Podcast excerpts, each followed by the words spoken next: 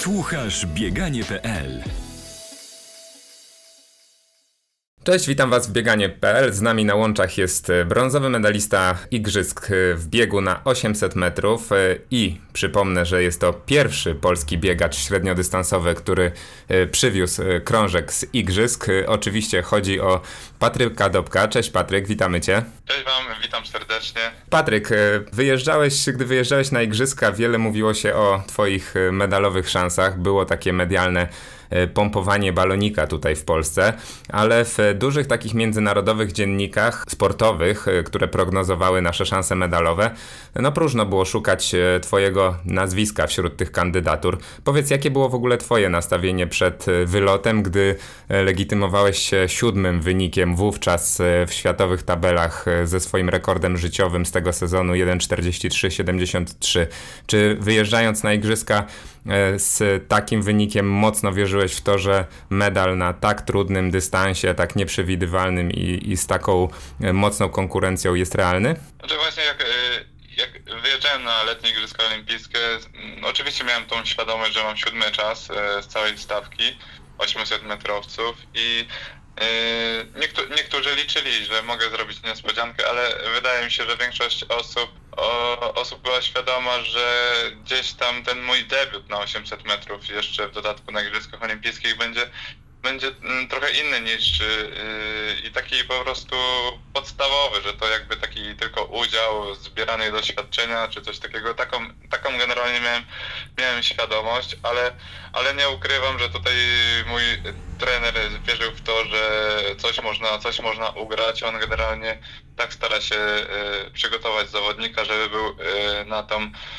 turniejową i docelową imprezę gotowy. No ja po prostu też miałem tą świadomość na, na diamentowej lidze w Monako, dobiegłem szósty, tam już była taka stawka finałowa, można powiedzieć i gdzieś, gdzieś właśnie liczyłem liczyłem na ten finał, a w finale no wiadomo co się, co się dzieje. Najgorszy był właśnie bieg półfinałowy, żeby dostać się do finału. Ten, ten plan taki nasz minimum był zrealizowany. Najgorsze jakby najgorsze za zawodnikiem dostanie się do finału, bo jednak półfinał niektórych zawodników, e, też naszych polskich, wykluczał e, z walki o mecz, ale dlatego, dlatego no, liczyłem na to, jak już dostałem się do finału, no po prostu, żeby powalczyć o jak najlepsze miejsce.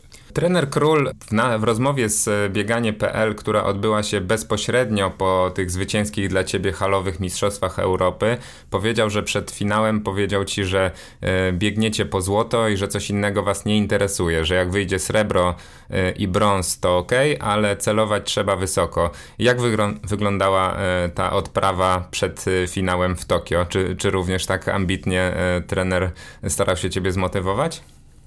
Znaczy, no pewnie, e, oczywiście on tak e, motywuje zawodników, no bo jednak, e, jednak i trener, i zawodnik e, trenują i, i, i poświęcają bardzo dużo czasu i rzeczywiście każdy dąży do tego, żeby jak, jak naj, e, najwyższe miejsce zająć i oczywiście przywieźć z danej imprezy medal. No, trener mnie motywował oczywiście, wiedział na ile jestem przygotowany i przed tym biegiem półfinałowym, no po prostu dał mi wskazówki, które mi pomogły do, do tego, żeby osiągnąć taki sukces.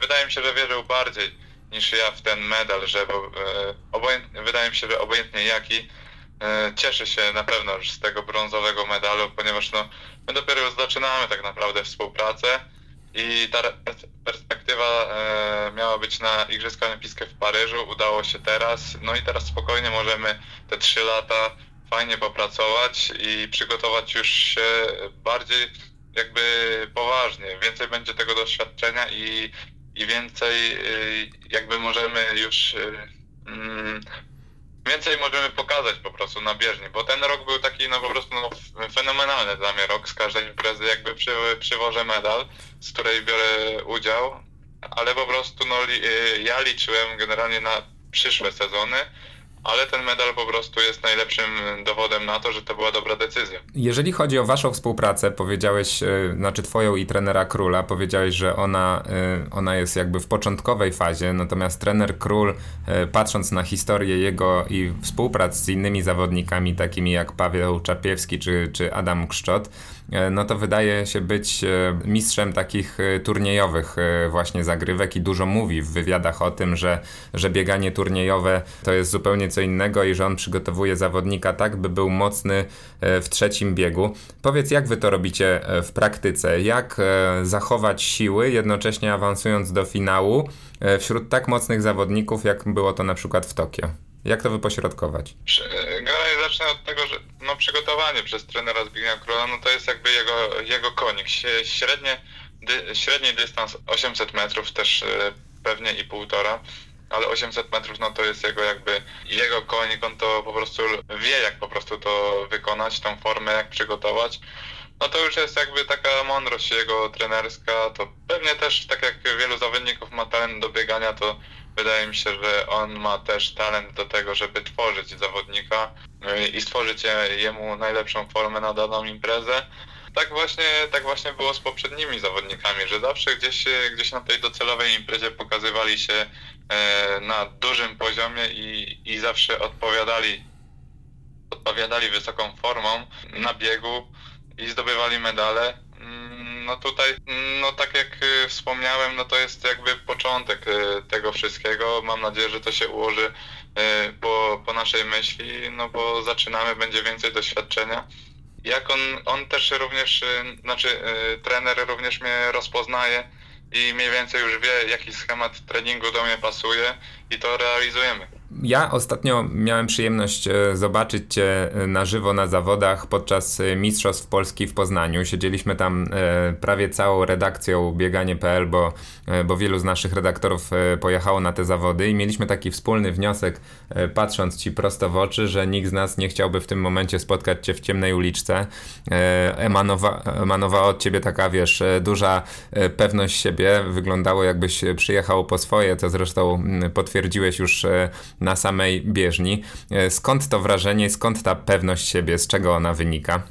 W dużej mierze tą pewność przekazuje mi trener, bo ja, bo ja jakby jemu, ja, ja jemu ufam i wiem tak naprawdę czego on oczekuje, a ja, a ja teraz w tym nowym dystansie w końcu, w końcu przyszedł czas na to, żeby spróbować tego 800 metrów, które tak naprawdę e, czekałem od, e, od kilku lat, żeby po prostu sprawdzić się na tym dystansie. No i teraz jestem po prostu w swoim żywiole. Jestem w tej grupie, ja to nazywam King Team, bo to jednak e, król, królewska, król, królewska drużyna.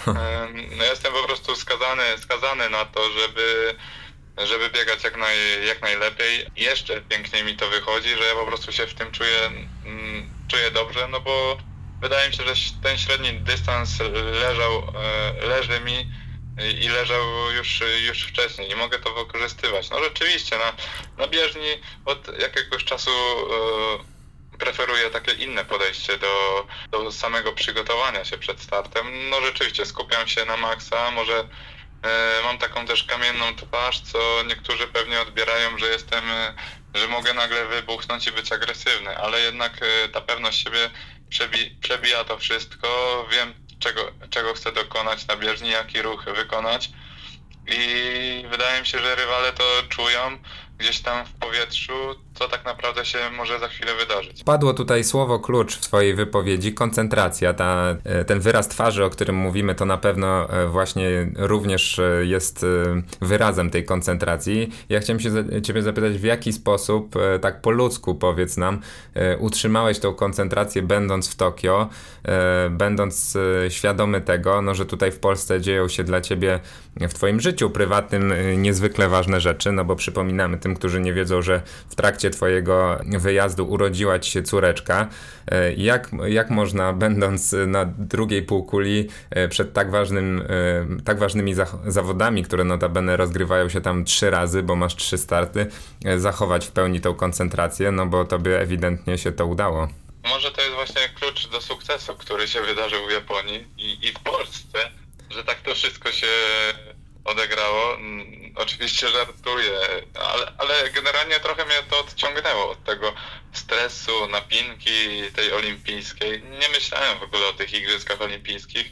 No te, teraz może mi to e, łatwo przychodzi na usta i łatwo mi to powiedzieć, że nie myślałem o tych igrzyskach, ale, ale na pewno ta cała sytuacja, sytuacja rodzinna, która notabene miała się odbyć po, po igrzyskach, e, z, wyko, wykonała się jakby w moim, w trakcie mojego pobytu w Japonii to na pewno trochę mnie odciągnęło. Też jakby ten stres przeszedł na stres taki rodzinny bardziej i się również skupiłem, ale jednak jak przyszło, przyszło co do czego, przyszły starty, y, już wszystko tutaj z rodziną było w porządku, już nie trzeba było się w miarę tak e, strasznie martwić, no to ja się skupiłem już na startach, już wiedziałem jakby tak naprawdę, tak naprawdę co, co trzeba wykonać i, i to już było trochę lżejsze. No rzeczywiście, yy, kamień spadł mi z serca, gdy, gdy bieg finałowy tak się ułożył i ja zdobyłem ten medal, no to naprawdę już wszystko jakby tak odetchnąłem z ulgą po samym, po samym starcie.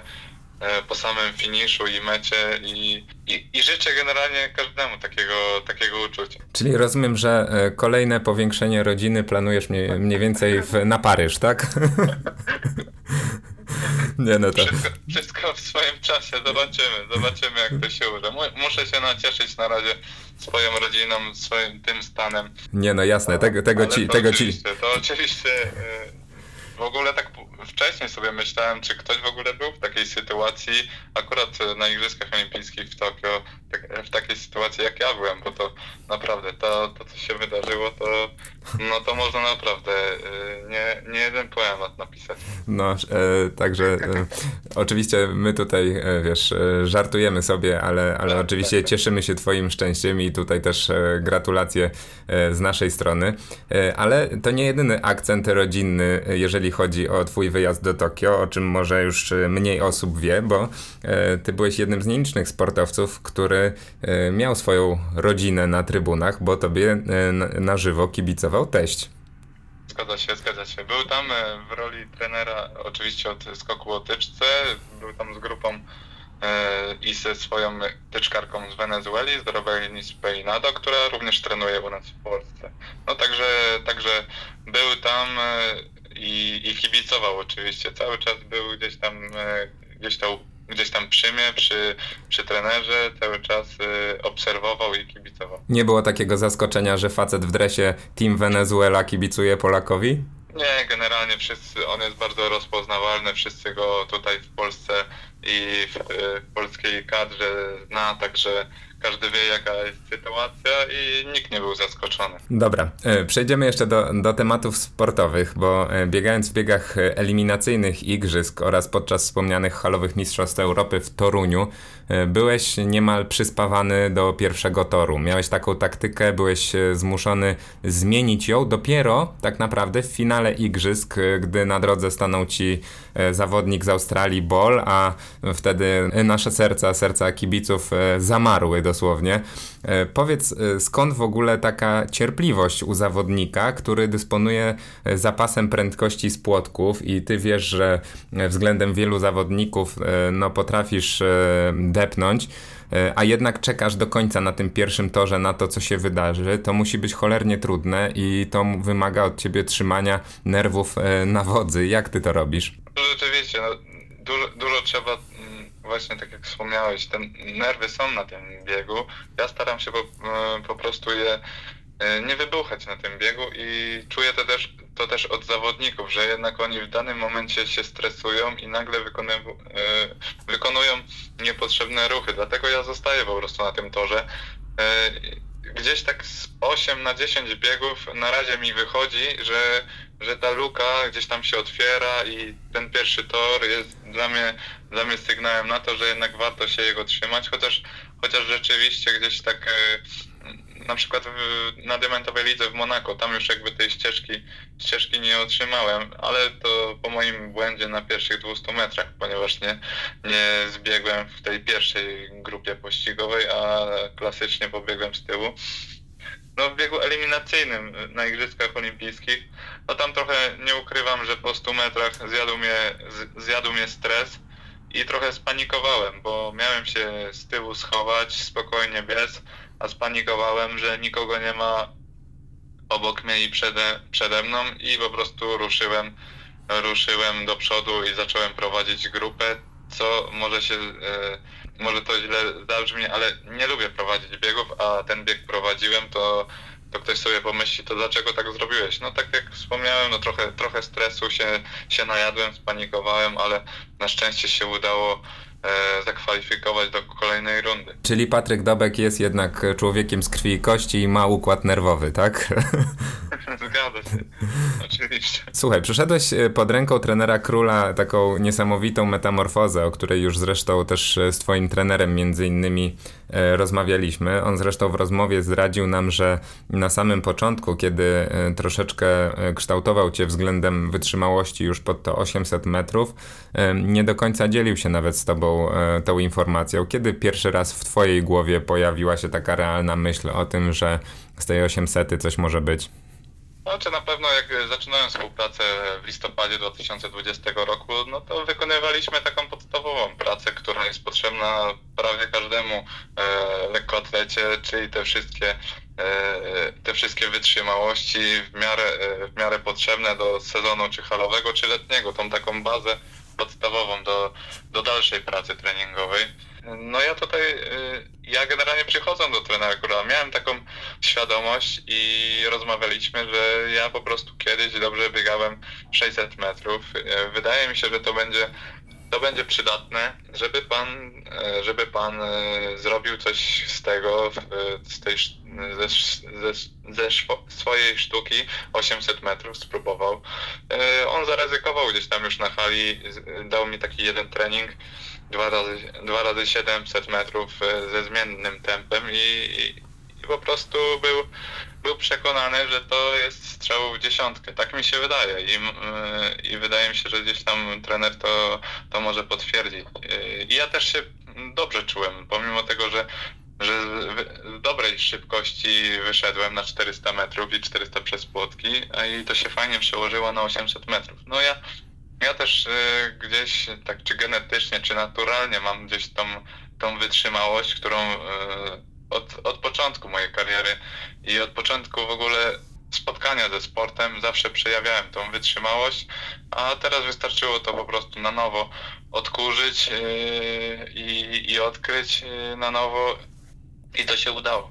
Jeżeli mówimy o przygotowaniach pod kątem wytrzymałości, to wiadomo, że e, bardzo wielu sportowców e, korzysta z e, treningów wysokościowych, albo są to obozy klimatyczne, albo sztuczna hipoksja. Jak, jak było w Waszym przypadku, w przypadku przygotowań do Tokio? Bo z tego co wiem, korzystałeś też ze sztucznej hipoksji w Centrum Ośrodku, Ośrodka Sportu w Zakopanem. No jeżeli, jeżeli mogę to powiedzieć, no to i wydaje mi się, że to jest na, na to czas.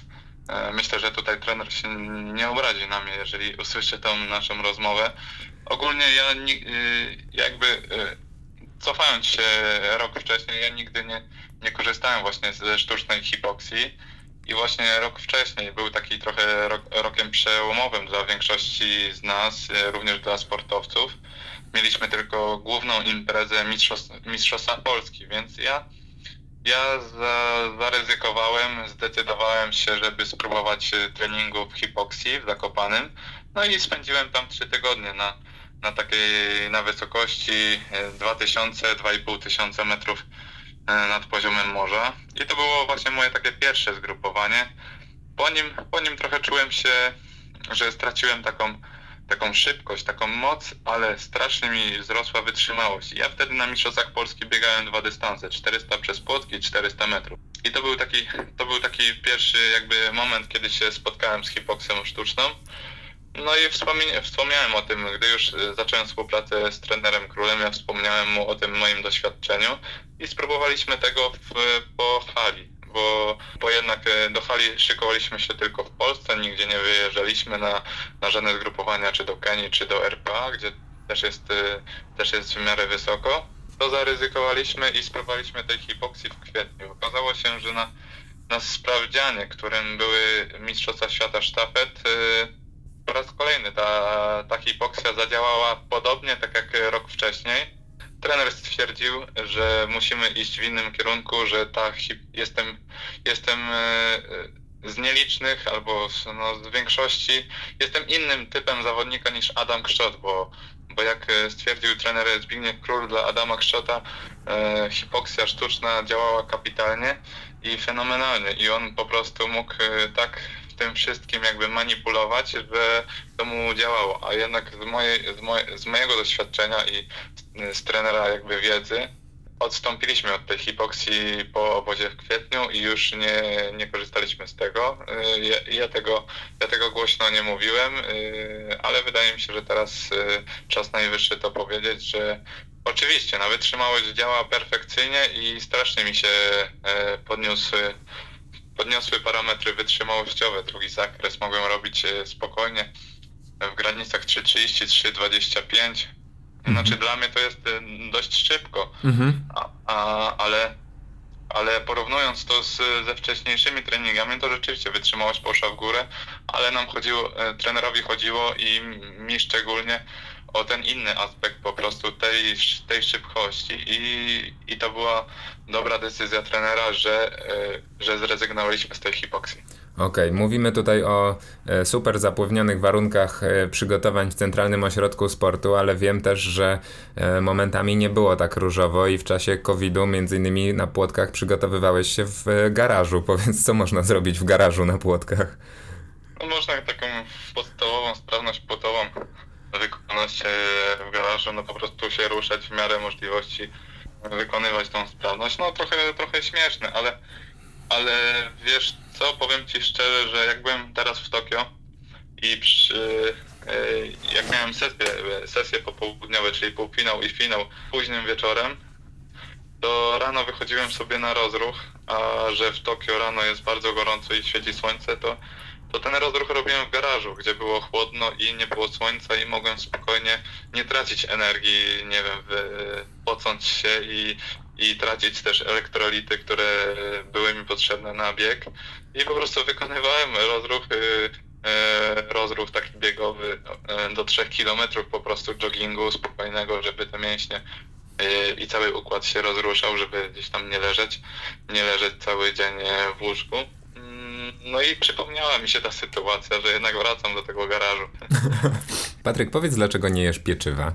Znaczy, nie to, że nie jem, ale staram się ograniczać, bo czasami, no wiadomo, nasze namiętności i chęć zjedzenia czegoś to, to czasami no nie da się, tak jesteśmy tylko ludźmi i czasami, czasami ma się to, to łaknienie i taką chęć, żeby zjeść sobie chlebek z masełkiem.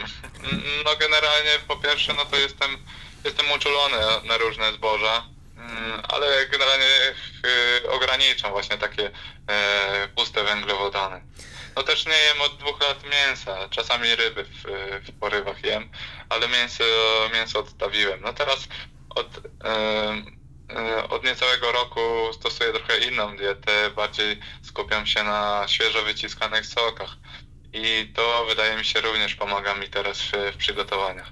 Bardzo ładnie to nazwałeś, bo ja też e, jestem w klubie niejedzących mięsa, ale ładnie nazwałeś to namiętność do pieczywa, to, to jest fajne no słowo. Tak, taka namiętność, taka słabość po prostu, do, nie tylko do pieczywa, ale do takich e, no czasami niepotrzebnych rzeczy, bo, które, które na pewno nam nie pomogą, a tylko zaszkodzą.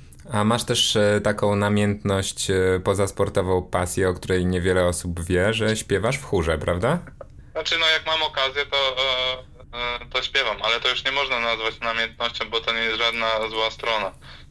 No nie, nie, nie, a namiętność, wiesz, no namiętność jakby w takim rozumieniu ogólnym też, też nie zawsze z czymś złym e, musi się e, wiązać, ale uważam, że dobrze jest e, i, i fajnie, e, też to nie jest tylko moja opinia, e, fajnie działa to w połączeniu ze sportem, kiedy sportowiec ma również e, właśnie tego typu pasję i odskocznie i, i nie żyje tym sportem w 100%, także ten chór mnie tutaj bardzo zaciekawił, ale jestem też ciekawy tego, Jakie ty masz zdanie na temat rekordu Pawła Czapiewskiego? Czy on jest twoim zdaniem e, w twoim zasięgu w przyszłości? Mówimy o rekordzie na 800 metrów oczywiście.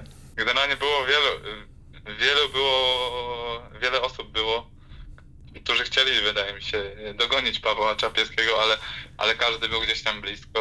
No ja też jestem blisko, ale ciężko mi powiedzieć, czy ja jestem na ten rekord polski. Wydaje mi się, że w tym sezonie nie stawialiśmy na to, żeby żeby zrobić tak, tak wspaniały wynik, ponieważ no po pierwsze no to trzeba lata doświadczenia i lata treningu do tego, żeby się przygotować i, yy, i też trzeba podejść do tego z dużym szacunkiem do tego wyniku, ponieważ no ten wynik ma, ma dość sporo lat już i, i trzeba się po prostu przygotować do tego, jeżeli chce się oczywiście stawiać na rekordy. No tutaj wydaje mi się że jest szansa, tak mi się wydaje, że jestem na pewno lepiej przygotowany e, szybkościowo od, od Pawła, Pawła Czapieskiego, gdy on był jakby w, w swojej życiowej formie. Trzeba wydaje mi się być, e, być dobrze przygotowany i też trafić w bieg. Może to może mi pomo pomogą takie, takie zawody jak na przykład 5 września meeting Kamili Skalemowskiej, gdzie, gdzie mam tam z tego stadionu mam swój season best i może tam się akurat uda zbliżyć e, czy poprawić rekord mój sezonu, a to spowoduje zbliżenie się do rekordu Polski. A w czym jeszcze upatrujesz takich rezerw? E, gdzie Patryk Dobek i trener Król szukają jeszcze e, rezerw, jeżeli chodzi o przesunięcie się na, na ten jeszcze wyższy poziom i jeszcze lepsze wyniki?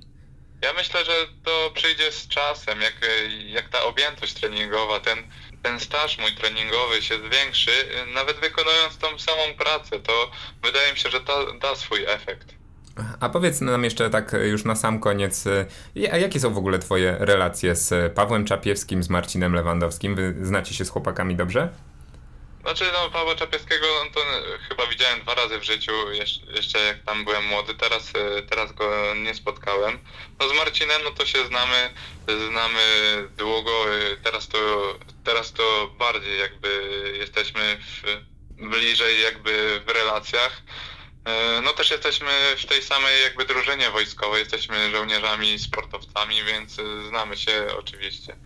No mamy dobry, dobry kontakt. E, no jest mi, jest mi przykro, że też Marcinowi tak, taka sytuacja się zdarzyła na Igrzyskach Olimpijskich, ale generalnie no też, też ostatnio rozmawiałem z Adamem Krzotem, myślałem, że że się spotkamy na bieżni. Mam nadzieję, że to jeszcze nastąpi. Ci 800 metrowcy bardzo szybko, nie tyle w Polsce, ale i na świecie, bardzo szybko poznali jakby moją osobę i wiedzą, że, że jestem groźny dla nich. Okej, okay. zastanawiam się w tym kontekście, e, bo byłeś takim trochę, wiesz, e, czarnym koniem, mimo że e, na polskim podwórku już od jakiegoś czasu jest o tobie głośno, to na pewno na tych szerszych wodach międzynarodowych byłeś trochę zaskoczeniem dla tych e, topowych 800 metrowców. Myślisz, że teraz jak oni już rozgryźli twoją taktykę i wiedzą jak biegasz, to będzie ci trudniej rywalizować z nimi?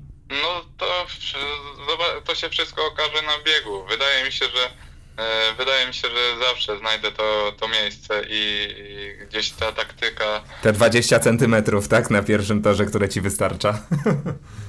No tam, jeżeli zostaje właśnie tyle, no to tam trzeba się gimnastykować jednak, żeby nie, y, nie uderzyć gdzieś tam zawodnika, bo za to można dostać dyskwalifikację, ale, ale jednak jak widzę taką okazję, no to ją wykorzystuję, no bo taka okazja naprawdę zdarza się albo raz w biegu, albo, a jak, jak dobrze wychodzi, no to dwa albo trzy, ale no wydaje mi się, że w niektórych biegach, gdzie, gdzie w miarę y, zawodnicy są wypoczęci, no to kontrolują to, ale jeżeli przychodzi nerwówka, stres i, i oczywiście zmęczenie, no to mm, szczególnie na ostatnich metrach, no to już każdy nie kontroluje nad techniką biegu, dlatego tam można to wykorzystać i, i robić co się chce. Mhm. No czas pokaże, tak, jak to wszystko się będzie układało. Mm, mam nadzieję, że, że to jest jakby właśnie taki początek. Ja chciałbym brać przyjemność po prostu z tego biegania i to tą przyjemność daje mi właśnie ten dystans. To jest świetna myśl e, na zakończenie, także bardzo Ci dziękuję, e, Patryk, za to, że poświęciłeś nam dzisiaj e, swój czas. Życzę Ci, gratulując jeszcze raz w imieniu całej redakcji, na pewno wszystkich kibiców medalu, dziękując za te emocje. Życzymy Ci spełnienia tych wszystkich marzeń sportowych, które tutaj padły w naszej rozmowie. No i oczywiście dużo zdrowia. Dziękuję bardzo i wszystkiego dobrego. Dziękuję uprzejmie. Pozdrawiam wszystkich. Słuchasz bieganie.pl